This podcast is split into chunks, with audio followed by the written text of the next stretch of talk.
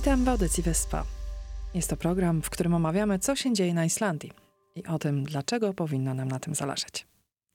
Nazywam się Margaret Adamsdottir, jestem reporterem wiadomości w telewizji RUF i jestem autorem tego programu.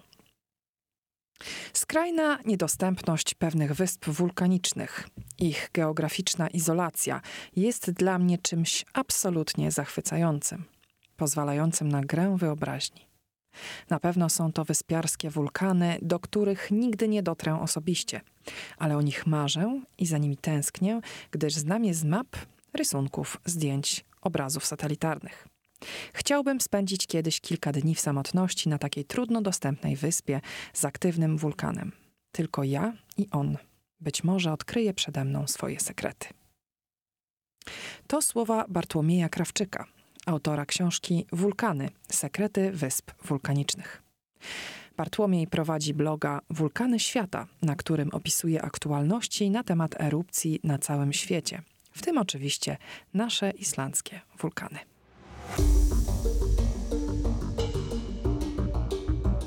Bardzo dziękuję za przyjęcie zaproszenia do naszego podcastu. I chciałam e, zacząć od bardzo podstawowego pytania, czyli skąd wzięło się Pana zainteresowanie wulkanami? To dość długa historia. To zainteresowanie pojawiło się już w dzieciństwie. Zaczęło się od oglądania i nagrywania na kasety wideo filmów dokumentalnych, parę francuskich wulkanologów Morisa i Cathy Kraft, a także francuskiego wulkanologa Haruna Dazifa. Ja jako dziecko uwielbiałem te filmy dokumentalne. Zafascynowały mnie wtedy wulkany, wybuchające góry, erupcje wulkaniczne, te potoki lawy, byłem w to patrzony. Później sam zacząłem wertować encyklopedię jako dziecko w poszukiwaniu e, opisów wulkanów. E, te wulkany umieszczałem w zeszycie, próbowałem je klasyfikować, data ostatniej erupcji, wysokość e, nad poziomem morza danego wulkanu. Wow. No i tak to się zaczęło. No właśnie, a dzisiaj prowadzi Pan bloga, napisał Pan książkę. Czy mówimy o wulkanach wszędzie, czy tylko o wulkanach, które są na wyspach? Tak, e, główne założenie tej książki to był opis wyspiarskich wulkanów, e, czyli e, wulkanów często formujących wyspy wulkaniczne. Także siłą rzeczy nie ma tam opisów wulkanów, które znajdują się na kontynentach. Tam jakieś są drobne wzmianki na przykład o Etnie czy o Wezuwiuszu. Akurat Etna znajduje się na Sycylii, ale raczej starałem się skupić na mniejszych wyspach wulkanicznych, i mogę na przykład zdradzić, że mhm. z Islandii opisane są wyspy wulkaniczne Sorcey i. Heimei. Książka jest podzielona na w zasadzie cztery oceany, y, wyspy wulkaniczne oceanu arktycznego, e, oceanu południowego, czyli tego wokół Antarktydy, oceanu spokojnego, Atlantyku, no pięć oceanów i oceanu indyjskiego. Także starałem się e, oczywiście subiektywnie wybrane wyspy wulkaniczne opisać. Głównie skupiałem się na wyspach e, wulkanicznych, które są mniej znane, ale mhm. czasem e, stwierdziłem, że warto także opisać jakąś e, wyspę wulkaniczną, która jest turystyczna, czego nie wiem, przykładem może być na przykład grecka wyspa wulkaniczna Santorin, czy, czy na przykład włoska wyspa wulkaniczna Ischia. Rozumiem. A czy był pan kiedyś na Islandii? Byłem dwukrotnie. Pierwszy raz w 2014 roku. To była wyprawa tygodniowa. Można powiedzieć, że jej zwieńczeniem była wspinaczka, udana wspinaczka na, e, ze znajomym na islandzki wulkan Hekla. To jest długi szlak. Tak, udało nam się w ciągu tego tygodnia, to był w zasadzie, pamiętam, to był w zasadzie chyba 26 kwietnia 2014 roku. Idea, akurat trafiło nam się idealne okienko pogodowe, udało się wejść na Hekle i bezpiecznie zejść. Mhm. E, także e, cieszę się niezmiernie, choć... Tak, to jest nie, to jest nie lada wyczyn, ale w ogóle to jest bardzo trudny szlak, dlatego że on jest po prostu mm, strasznie długi, to zajmuje wiele godzin. Tak, Także jest, podziwiam, jest, ja jeszcze nie byłam. męczący, musiałbym sięgnąć do tych swoich notatek, ale na początku też y, przechodziliśmy przez takie duże pole lawowe i to tak, było bardzo tak. trudne. I, tak, dopiero ono jest bardzo właśnie... duże właśnie. Sama góra nie jest wysoka, y, ale właśnie to pole jest takie Tak, tak, ono jest bardzo wyczerpujące. No i wiadomo, i to, był, to, to była też pora, że, y, że Hekla była dość mocno zaśnieżona, i, ale się udało. Co prawda tam spędziliśmy na wierzchołku chyba tam 15-20 minut, nie więcej, ale się udało. Także cieszy mnie to. No, a drugi mój wyjazd na Islandię miał miejsce, e, to była końcówka czerwca, e, początek lipca 2021 roku. Wybrałem się e, z siostrą i ze znajomym, by zobaczyć y, tą pierwszą erupcję szczelinową systemu wulkanicznego Fagradalsfjall, tą mm. naj, można powiedzieć najsłynniejszą, która tak. trwała pół roku i która zgromadziła te rzesze turystów ty, i nie tylko turystów zresztą, bo także Polaków i, Island, i Islandczyków. No z całego świata w zasadzie ludzi. No i jakie wrażenie odniósł pan podczas tej erupcji wtedy? Szczerze przyznam się, że to była pierwsza erupcja szczelinowa, jaką zobaczyłem na żywo. Wow, no, okay. Wrażenie jest. Y, byłem na kilku wulkanach, ale jakoś nie miałem okazji właśnie zobaczyć takiej typowej erupcji lawowej z bliska. Akurat trafiliśmy, to był taki moment, gdzie ta aktywność lawowa była taka troszeczkę zredukowana. Ten główny y, krater był bardzo aktywny. Nie, nie było może bardzo dużo tych potoków lawy, ale no, wrażenie jest niesamowite, zwłaszcza jeśli się właśnie podeszło troszeczkę bliżej takiego potoku lawy, no ten żar jest ekstremalny. Wrażenia na pewno niezapomniane. Mhm. Y, rzeczywiście natknęliśmy się na grupki turystów, które podziwiały po prostu ten spektakl. Generalnie ja uważam, że Islandczycy, jeśli chodzi o te trzy pierwsze erupcje tego systemu wulkanicznego Fagradalsfjall, y, postąpili dość intrygująco w tym znaczeniu, że po prostu po te trzy erupcje szczelinowe są bezpieczne do obserwacji, po prostu otworzyli ten teren dla turystów i naprawdę tysiące ludzi miały, miały okazję zobaczyć taki niepowtarzalny spektakl na żywo. No to jest niesamowite. No niestety te dwie ostatnie erupcje y, już nie są tak niesamowite właśnie. Niestety. Tak, już y, raczej po prostu są, po prostu były groźniejsze i nie, nie, nie można było ich otworzyć. Tak, a y, pan e, zauważyłam, że obserwuje dokładnie właśnie tą, tą naszą sytuację. Od, y, czy może pan ocenić w jakiś sposób y, tą, tą aktywność, która się teraz dzieje? Co pan o tym myśli po prostu? Tak, starałem się na bieżąco obserwować obie te erupcje, tą erupcję z grudnia 2023 i tą drugą ze stycznia 2024. Mhm. Oczywiście wcześniej były dość długotrwały kryzys sejsmiczny, tysiące trzęsień ziemi, tak. zachodziła też y, i w sumie nadal zachodzi w okolicach Swarcęgi deformacja gruntu. Także tak, tak starałem się to obserwować na bieżąco. Generalnie y, zgadzam się tutaj z islandzkimi wulkanologami. Wygląda na to, że Półwysep Reykjanes wchodzi w cykl erupcyjny, będzie tych erupcji więcej. Być może Chociaż tutaj akurat jest to takie troszeczkę gdybanie, ale być może się uaktywnią także inne systemy wulkaniczne na Półwyspie Reykjanes, na przykład Krysubik. Te erupcje y, no, mogą potrwać nawet przez kilka lat, co oczywiście y, może stwarzać jakieś zagrożenia, na przykład dla infrastruktury, czy chociażby dla samego miasteczka Grindavik, ale także dla innych miejsc na Islandii.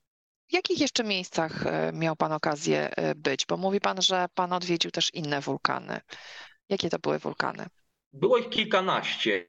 E, tutaj może się skupię na takich ciekawszych. Pierwszym moim takim wulkanem, który zobaczyłem jeszcze w czasie studiów, później go zobaczyłem po raz kolejny, był Wezuwiusz koło Neapolu. No właśnie, on jest taki trochę straszny, bo on przecież zalał całe miasta, tak? Wezuwiusz przyczynił się w roku 70, to była ta słynna erupcja w roku 79. Przyczynił się do zagłady właśnie trzech e, antycznych miast, Pom Pompeje, Herkulanum i Stabie. Także e, była to bardzo katastrofalna erupcja, tam mogło zginąć kilka tysięcy osób. E, no i z tego generalnie Wezuwiusz słynie, no ale Wezuwiusz, inne erupcje Wezuwiusza były równie destrukcyjne. Tam jest zresztą inny wulkan, który uchodzi za jeszcze groźniejszy, potencjalnie jeszcze groźniejszy, czyli kaldera pola flegrejskie. Też miałem okazję być. W każdym bądź razie zarówno Wezuwiusz, jak i właśnie te pola flegrejskie, hmm. no to są jedne z najniebezpieczniejszych wulkanów na świecie, zważywszy na bardzo dużą gęstość zaludnienia no wokół właśnie. tych wulkanów. Tam się tam się szacuje, że tam może mieszkać około 3 milionów ludzi w okolicach obu tych wulkanów. No i w momencie przebudzenia, czy to jednego, czy to czy drugiego może dojść do ewakuacji no nie wiem, kilkuset tysięcy ludzi na przykład. Nie? Także tak. Wezuwiusz śpi od 1944, ale teoretycznie jak to wulkan może mhm. się kiedyś przebudzić, to wulkan drzemiący, tak samo pola plagrejskie. Przejdę do, do innych wulkanów, no to byłem dwukrotnie na wulkanie Etna, słynny sycylijski wulkan, y, który wybucha regularnie w zasadzie co roku ma kilka takich większych erupcji. Miałem okazję być także na, na wulkanach na Wyspach Kanaryjskich, czyli na Pico del Teide i na wyspie wulkanicznej Lanzarote. Widziałem także kilka greckich wulkanów. Tutaj mogę na przykład wymienić Santoryn, y, Metana czy y, Nisyros. Widziałem także jeden wulkan w Indonezji. Planuję zresztą może kiedyś wrócić do Indonezji, ale Tangkuban Parahu na wyspie Java. Nie boi się pan tych wulkanów? Jak pan do tego podchodzi? Wiadomo, że jednym z naj, najbardziej omawianych przez nas ostatnio tematów jest, są te nasze erupcje szczelinowe, ale tak naprawdę istnieją o wiele większe i, i, i bardziej aktywne wulkany na świecie, takie jak Etna, czy właśnie cała Indonezja, która jest wręcz usiana wulkanami. I są różne reakcje od ludzi. Ludzie y, na przykład piszą takie rzeczy, po co mieszkasz na wulkanie, ale tak naprawdę bardzo wielu ludzi na świecie mieszka, żyje wokół wulkanów. Czy, czy należy się ich bać? Zależy od typu oczywiście wulkanu, bo generalnie takie erupcje szczelinowe, lawowe, one są bezpieczne do obserwacji. Yy, nie wdając się w szczegóły, no te potoki lawy przemieszczają się dość wolno, można przed nimi uciec. No ale na przykład mamy yy, inną formę wulkaniczną, taką przeważającą na Ziemi, czyli są to tak zwane stratowulkany.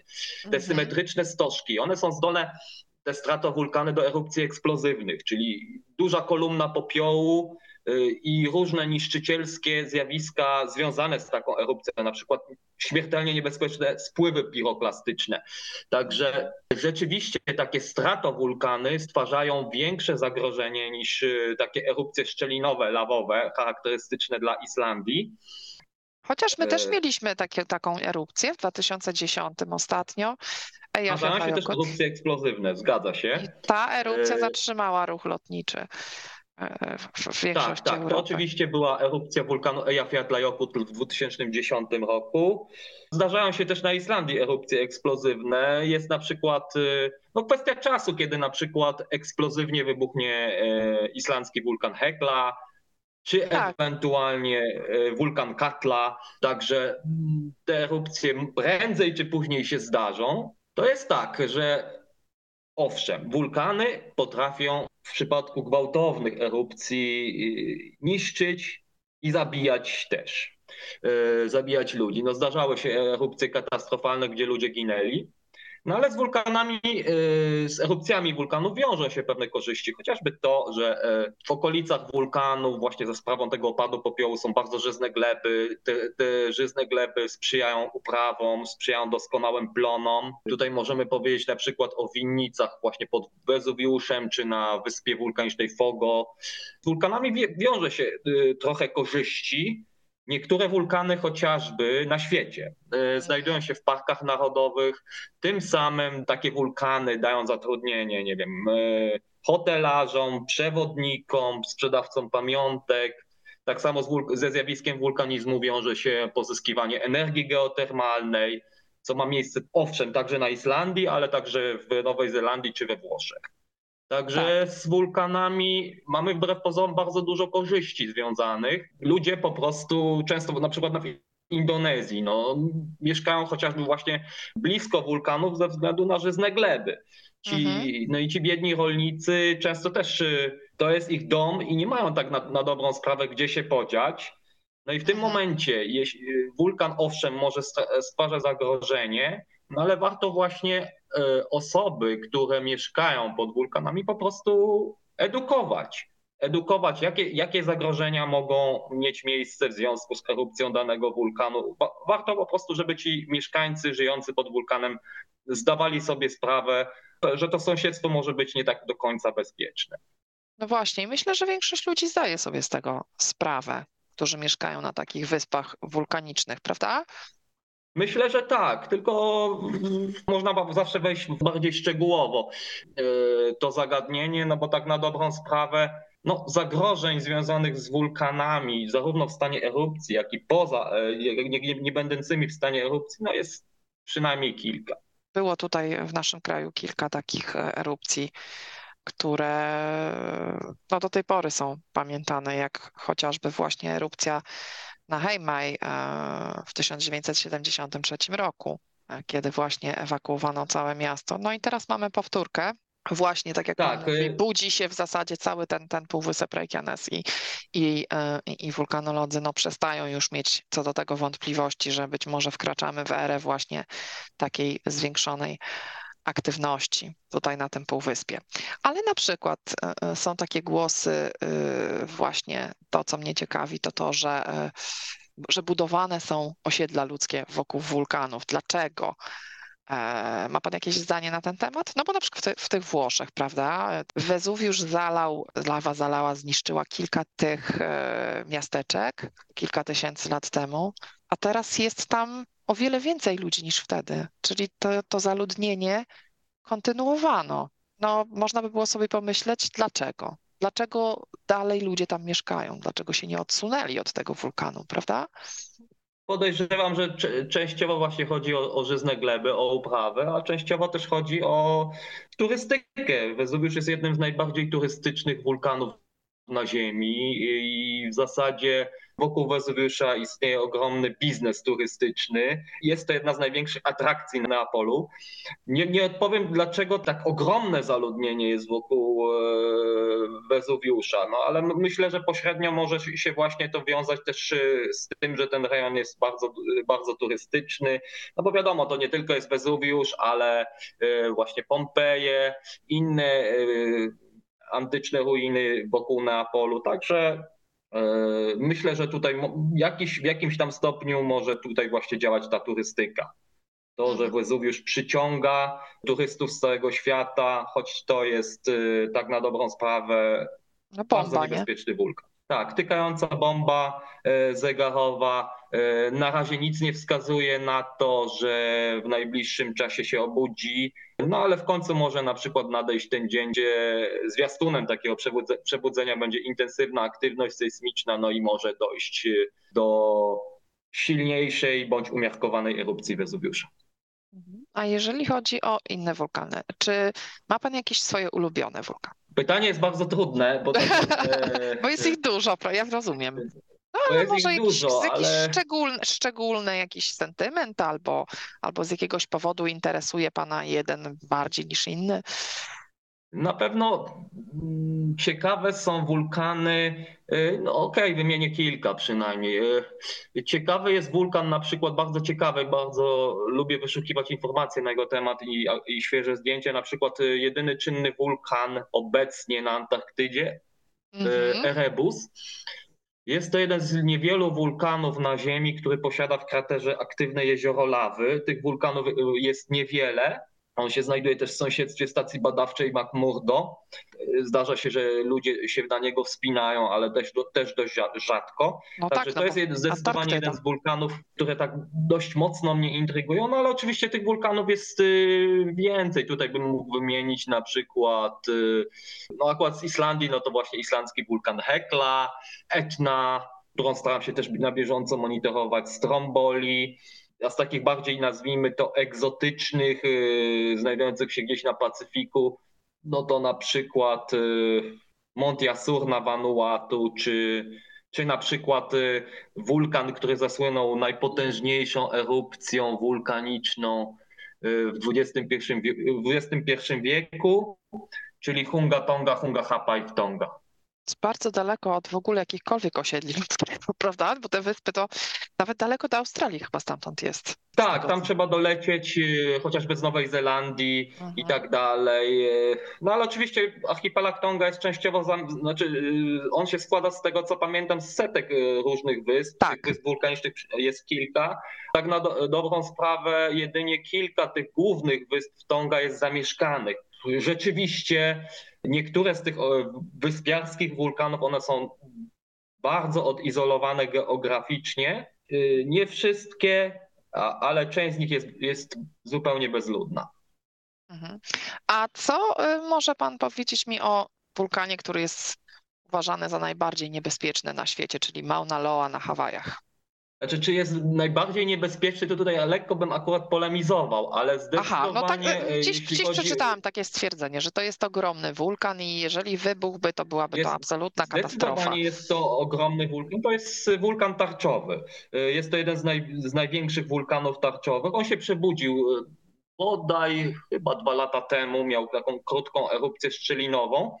Mauna Loa jest jednym z wulkanów tarczowych, który formuje wyspę Hawaii obok najaktywniejszego hawajskiego wulkanu Kilauea. Ta erupcja w 2000, jeśli dobrze pamiętam, w 2022 roku była mm, taką erupcją e, bezpieczną do obserwacji, krótką, tam z tego co kojarzę tylko lawa przecięła jedną y, drogę, ale była o tyle intrygująca, że Mauna Loa y, przebudził się, to była pierwsza, e, pierwsza erupcja Mauna Loa od 1984 roku, czyli ten okres drzemki trwał dość długo. Zatem było to niewątpliwie bardzo ciekawe i bo zazwyczaj na Hawaii aktywny pozostaje inny wulkan tarczowy, czyli Kilauea. On chyba cały czas wybucha, Ale prawda? Tak, On w ogóle nie, nie tak, przestaje. Kilauea, znaczy Kilauea miewa takie okresy drzemki, że to jezioro lawowe e, w kalderze Halema Umau jest nieaktywne, ale rzeczywiście w zasadzie do erupcji Kilauea dochodzi co roku Natomiast Mauna Loa jest wulkanem, który wybucha rzadziej. I jest to już większe po prostu wydarzenie. Natomiast rzeczywiście e, zdarzały się Mauna Loa e, erupcje e, szczelinowe ze zboczy tego wulkanu tarczowego, które powodowały zniszczenia wiosek, zniszczenia infrastruktury. No ale takie erupcje zdarzały się również wulkanowi Kilauea, słynna erupcja w 2018 roku zwana Leilani Estates, y, tam y, zniszczeniu uległo kilka wiosek, potoki lawy zniszczyły kilka wiosek, także później sytuacja się y, powtórzyła na kanaryjskiej wyspie La Palma w 2021, też doszło tak. do takiej niszczycielskiej erupcji wulkanicznej, w wyniku której zniszczeniu uległy liczne pola uprawne, liczne wioski, na szczęście, z tego co pamiętam, tam e, była tylko jedna ofiara śmiertelna. Dobrze, i zapytam jeszcze pana, w jaki sposób pan to wszystko ogarnia? Czyli czy obserwuje pan jakieś strony, które informują, no bo, no bo tych wulkanów jest mnóstwo, tak? A, a codziennie, ile, ile czasu zajmuje panu ta, to hobby, ta, to obserwowanie wulkanów i, i pisanie bloga i, i jakby pozostanie na bieżąco z tym wszystkim? Zasadniczo obserwuję wiele stron e, internetowych e, poświęconych właśnie monitoringowi aktywności wulkanicznej, od Twittera po e, Facebook. Mamy liczne takie strony, zarówno prowadzone przez wulkanologów, jak i przez zapaleńców takich jak ja, mhm. gdzie jest stały monitoring aktywności wulkanicznej na Ziemi. I tutaj do, dodam taką ciekawostkę, że e, tak codziennie aktywność erupcyjną na świecie wykazuje od 20 do 40 wulkanów. E, w ciągu roku aktywnych może być od 40 do 60 wulkanów na Ziemi. Też nie zawsze wspominam o niektórych wulkanach, bo niektóre wulkany, które są aktywne, które są w stanie erupcji, są aktywne e, właśnie już od setek lat na przykład Stromboli czy Jasurna Vanuatu. Najciekawsze osobiście dla mnie i takie najbardziej elektryzujące są erupcje wulkanów, które powiedzmy drzemią od dziesiątek czy od setek lat, które się budzą i takie erupcje zdarzają się powiedzmy, y, to wybucha kilka wulkanów y, w ciągu roku, nie? Mhm. Duża ilość wulkanów aktywnych na Ziemi to są właśnie takie wulkany, które są już aktywne, nie wiem, od setek czy od dziesiątek lat i one są w stanie ciągłej e, erupcji. Mhm. Natomiast dla mnie elektryzujące jest właśnie, e, elektryzująca jest właśnie sytuacja, gdy na przykład wybucha jakiś wulkan, nie wiem, który drzemał od 800 lat, czy drzemał od kilku tysięcy lat, czy drzemał nawet od 50 lat ale o, budzi się jakiś nowy wulkan, trzeba koniecznie o tym napisać, więc mhm. E, to jest właśnie e, dla mnie najbardziej fascynujące. Chociażby podam przykład Etny. Etna e, jest wulkanem aktywnym w zasadzie co roku, ma kilka erupcji. Te erupcje są elektryzujące dla mediów, bo czasem w przypadku silniejszej emisji popiołu jest zamykane lotnisko w Katani. Jest to jeden z najaktywniejszych wulkanów na Ziemi i zawsze lubię opisywać erupcje etny, no ale z drugiej strony zdaję sobie sprawę, że jest to wulkan, który jest aktywny przynajmniej kilka razy w roku. Mhm. Ma silniejsze erupcje z, z, większą emisją popiołu. Najciekawsze to jest dla mnie taki legendarny e, wulkan, prawda? Taki dosyć legendarny, znany. Tak, tak. On się pojawiał w mitologii i, i był jednym z najwcześniej generalnie badanych wulkanów na, na Ziemi obok Wezuwiusza. Także wulkan jest starannie monitorowany przez wulkanologów i te erupcje są, można powiedzieć, że dość, Etna ma dość regularne erupcje. No ale tak jak wspomniałem, no najciekawsze dla mnie są takie erupcje dość niespodziewane, kiedy budzi się wulkan, yy, powiem tak, w taki sposób, którego nie, erupcji nie spodziewałem się w danym roku. No właśnie, a spodziewał się pan tej erupcji Fagra Dalswiatr? 3 lata temu, czy to właśnie było dla Pana zaskoczenie? Nie, no, była to dla mnie pewna też y, pewna niespodzianka. Nie spodziewałem się, zresztą podejrzewam, że y, sporo Islandczyków też się nie spodziewało, że będziemy mieli do czynienia, a ewidentnie będziemy mieli do czynienia z całym cyklem erupcyjnym y, na Półwyspie Reykjanes.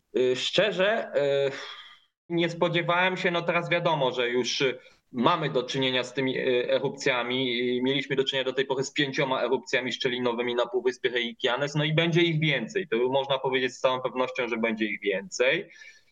Nie wiem, generalnie bardziej spodziewałem się przebudzenia na przykład e, tego podlodowego wulkanu Grimsbotn, na przykład, niż właśnie erupcji szczelinowych na Półwyspie Reykjanes. Najwyraźniej yy, tak musi być i no mam nadzieję, że właśnie Islandczycy sobie doskonale poradzą z tymi erupcjami yy, przyszłymi, że, że te erupcje ich w jakiś tam sposób nie zaskoczą.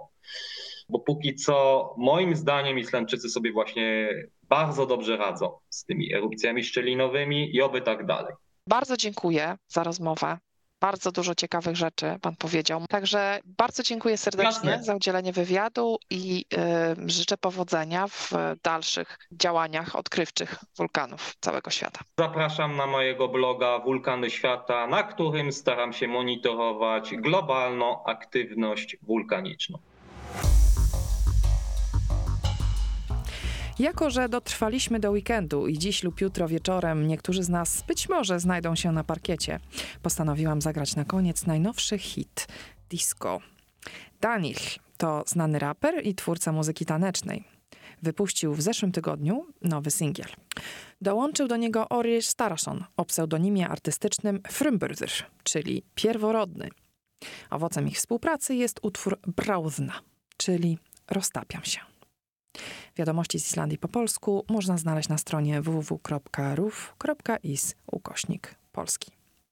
Serdecznie dziękuję za uwagę i zapraszam na kolejne odcinki Wyspy w przyszłym tygodniu.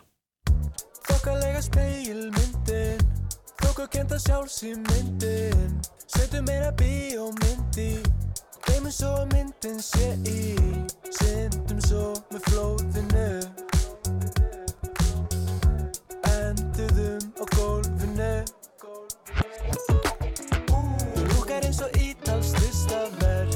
Týpan sem að gefur mér hausverk Bara ég og þú rósinn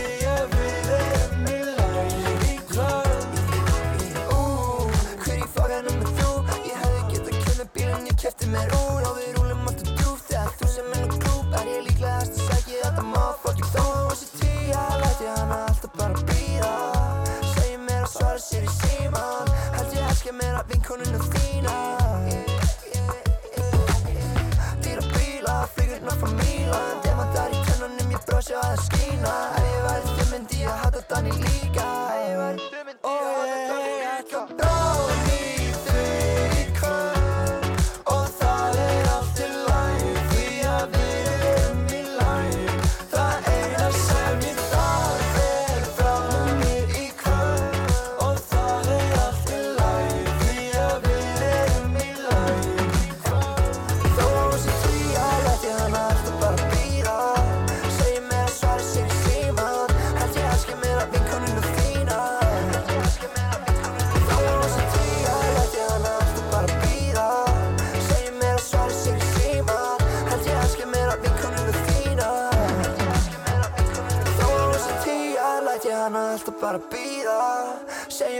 svara sér í síman Held ég elski meira vinkonuna þínar